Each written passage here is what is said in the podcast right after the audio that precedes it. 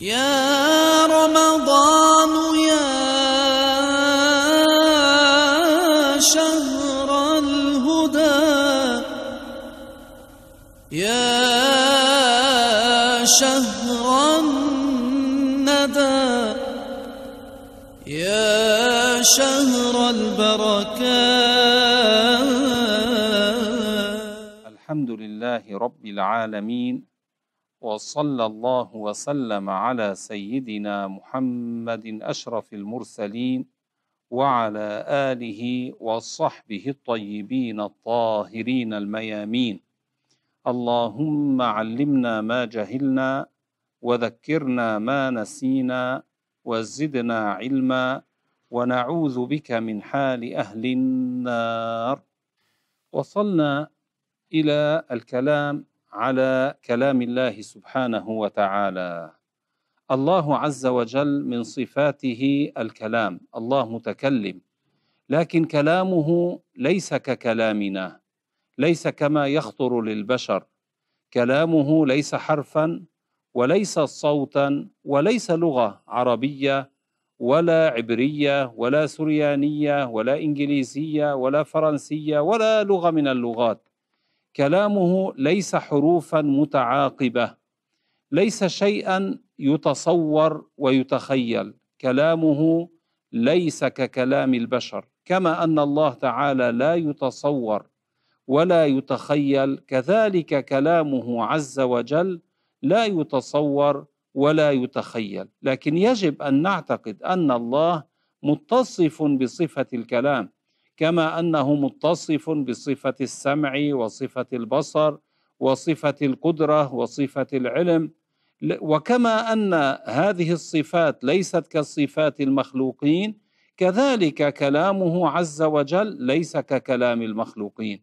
فهو كلام قديم أزلي لا ابتداء له كسائر صفاته عز وجل من العلم والقدرة والإرادة والسمع والبصر كل صفات الله عز وجل قديمة ليس لها بداية. لماذا؟ لأن ذات الله قديم. وهذه الصفات واجبة لله تعالى. يستحيل أن لا يكون ربنا متصفا بها.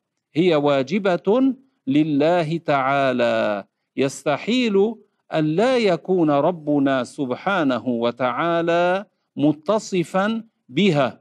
هي شرط للألوهية هذه الصفات القدم الحياة القدرة الإرادة السمع البصر كل هذه الصفات شرط للألوهية لا تصح الألوهية بدونها.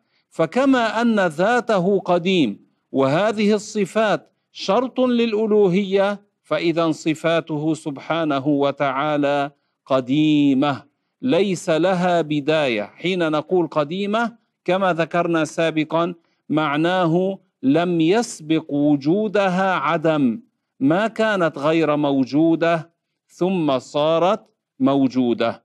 فاذا كلام الله قديم ليس له بداية. ومن هنا نفهم أن كلامه ليس حرفا. لماذا؟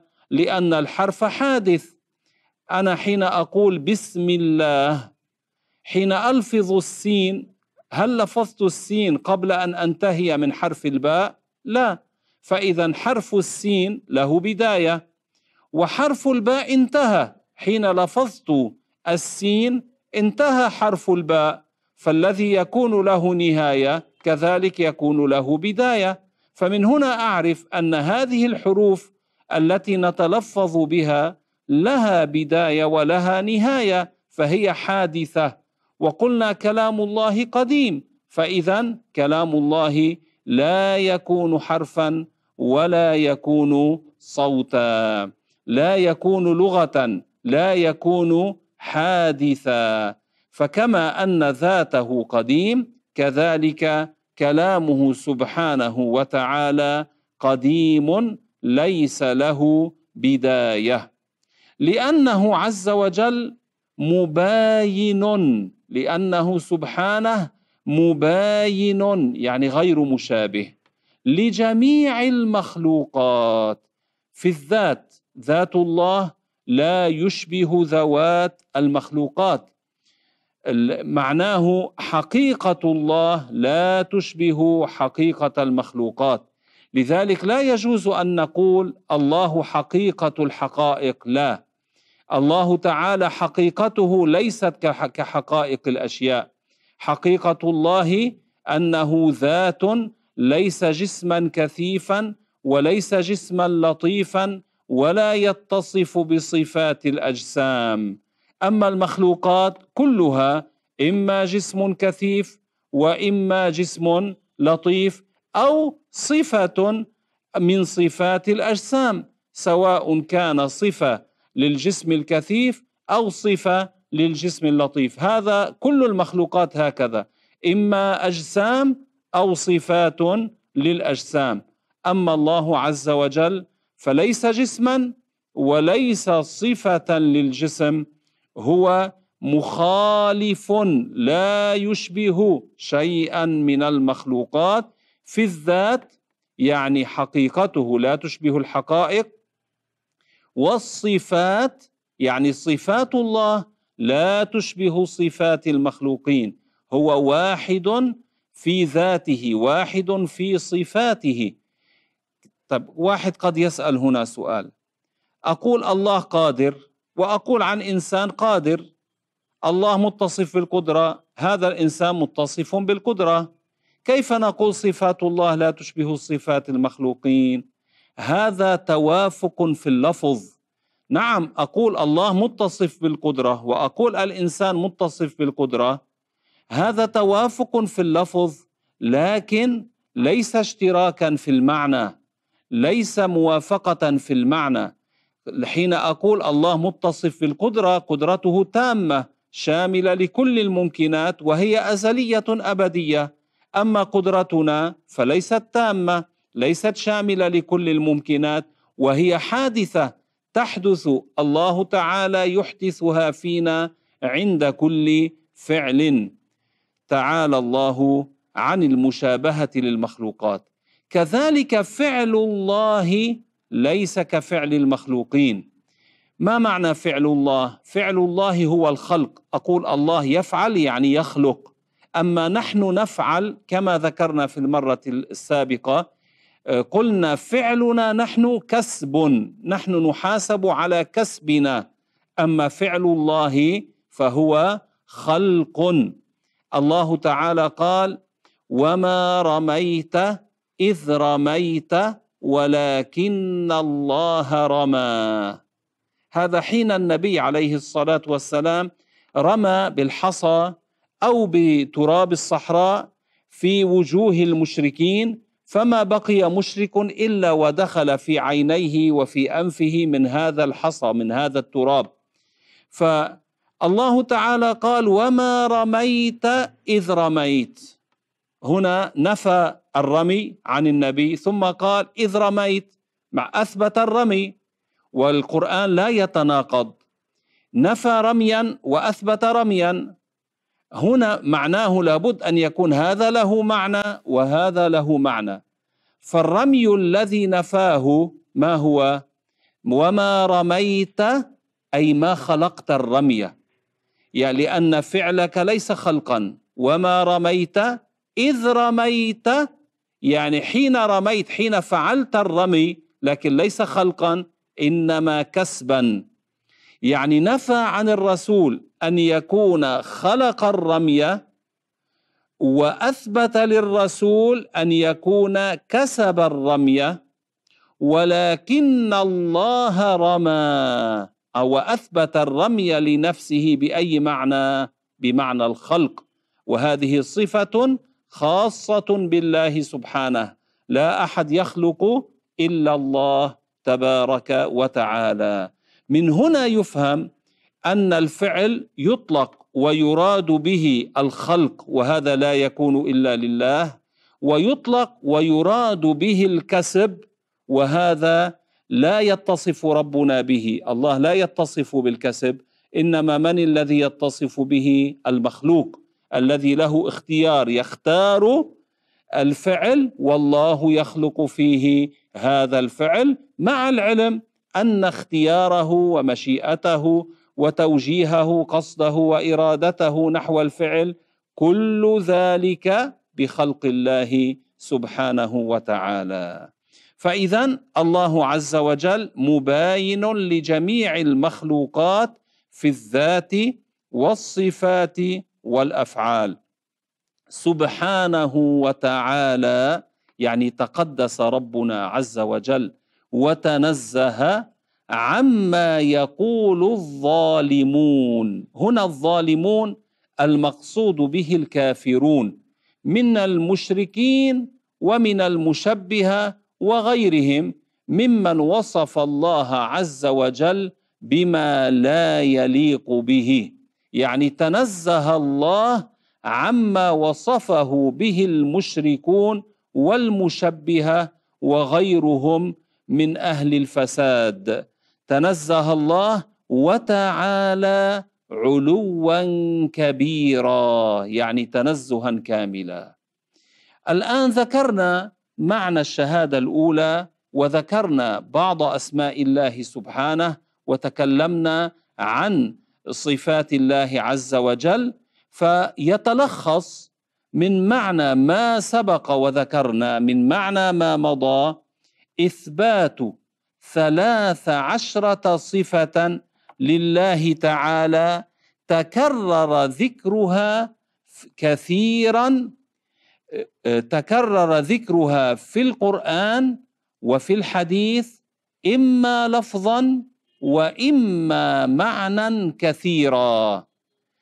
وذلك أن النبي عليه الصلاة والسلام كان يحرص على أن يتعلمها كل أحد أن يتعلم هذه الصفات. وهذه الصفات الثلاث عشرة ما هي؟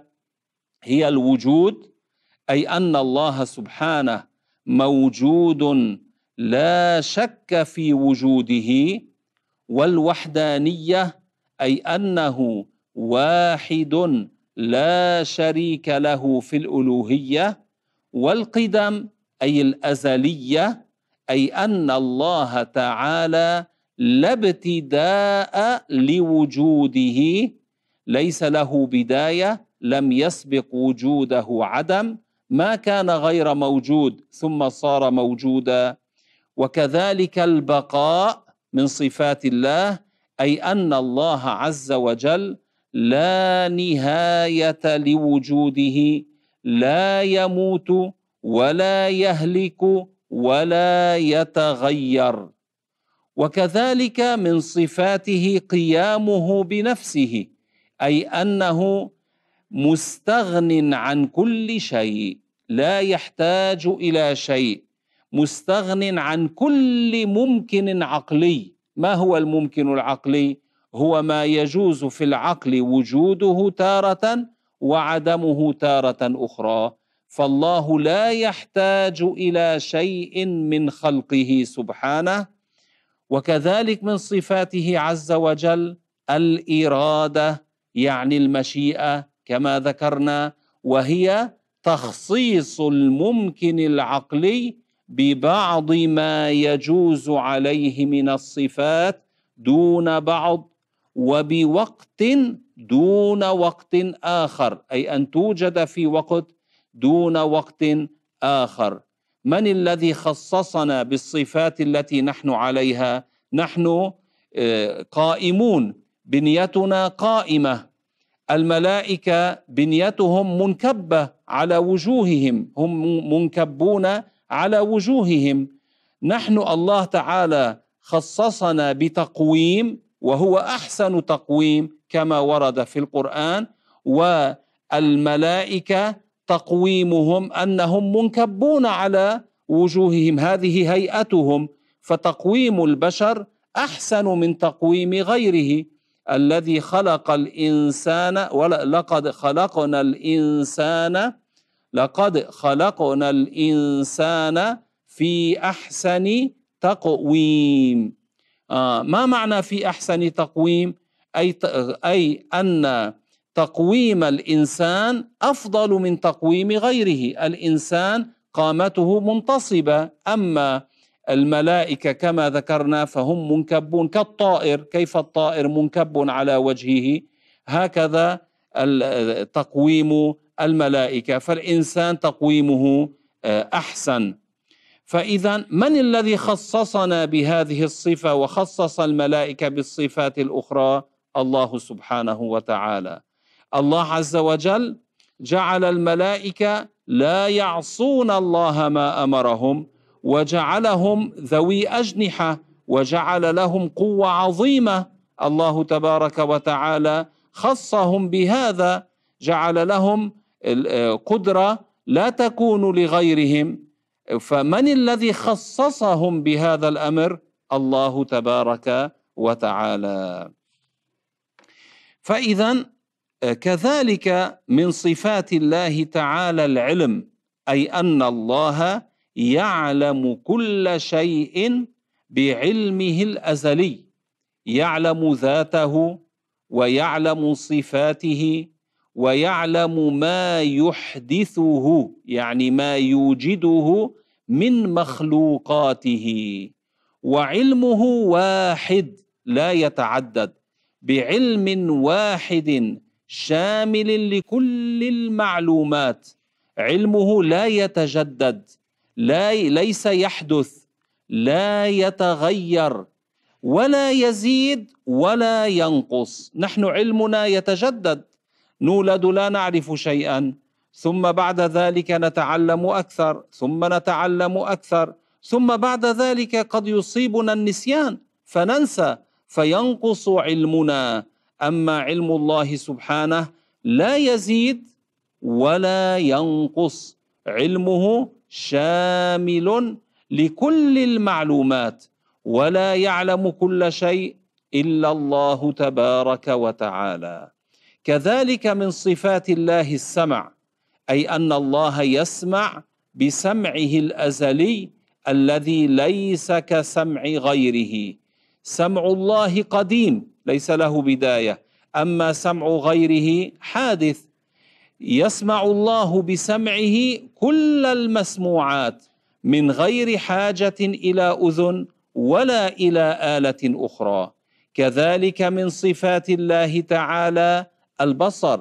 الله يرى برؤيته التي ليست كرؤية غيره. بصر الله تعالى قديم أما بصرنا حادث.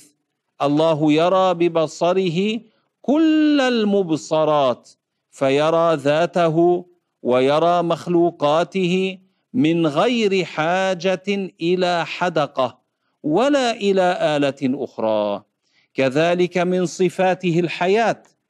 الله حي بحياة واحدة أزلية أبدية لا تتقطع. نحن حياتنا تتقطع. أما حياة الله فلا تتقطع وقدرته لا تتقطع وعلمه لا تتقطع وكل صفات الله لا تتعدد ولا تتقطع. كل صفات الله تعالى واحدة قدرته واحدة وعلمه واحد ومشيئته واحدة. نحن مشيئتنا تتعدد وقدرتنا تتعدد. وسمعنا يتعدد وبصرنا يتعدد. كذلك ربنا سبحانه متصف بالكلام. كلامه لا يتعدد واحد. قلنا لا يتخيل ولا يتصور. أما نحن كلامنا فيتعدد ويتقطع. نحن كلامنا يتصف بالابتداء والانتهاء. أنا أبتدئ بالكلام ثم أختم. أسكت. الله تعالى لا يتصف بالسكوت. لا يتصف كلامه بالابتداء ولا بالانتهاء. نقول الله تعالى متكلم في الأزل متكلم في الأزل. لا يتصف ابتداء كلامه بالابتداء ولا يتصف بالانتهاء. كذلك من صفاته عز وجل المخالفة للحوادث أي أنه لا يشبه شيئا من المخلوقات. فلما كانت هذه الصفات الثلاث عشره ذكرها كثيرا في النصوص الشرعية أي في القرآن والحديث كما سبق وذكرنا قال العلماء تجب معرفتها وجوبا عينيا على كل مكلف. هذه الصفات الثلاث عشرة التي يجب على كل مكلف أن يعرفها. فاعتنوا بها واحفظوها حتى يسهل عليكم تعليمها للناس علموها لأولادكم ولأحبابكم ففي ذلك الخير العظيم. وسبحان الله. والحمد لله رب العالمين وصلى الله وسلم على سيدنا محمد وعلى آله وصحبه.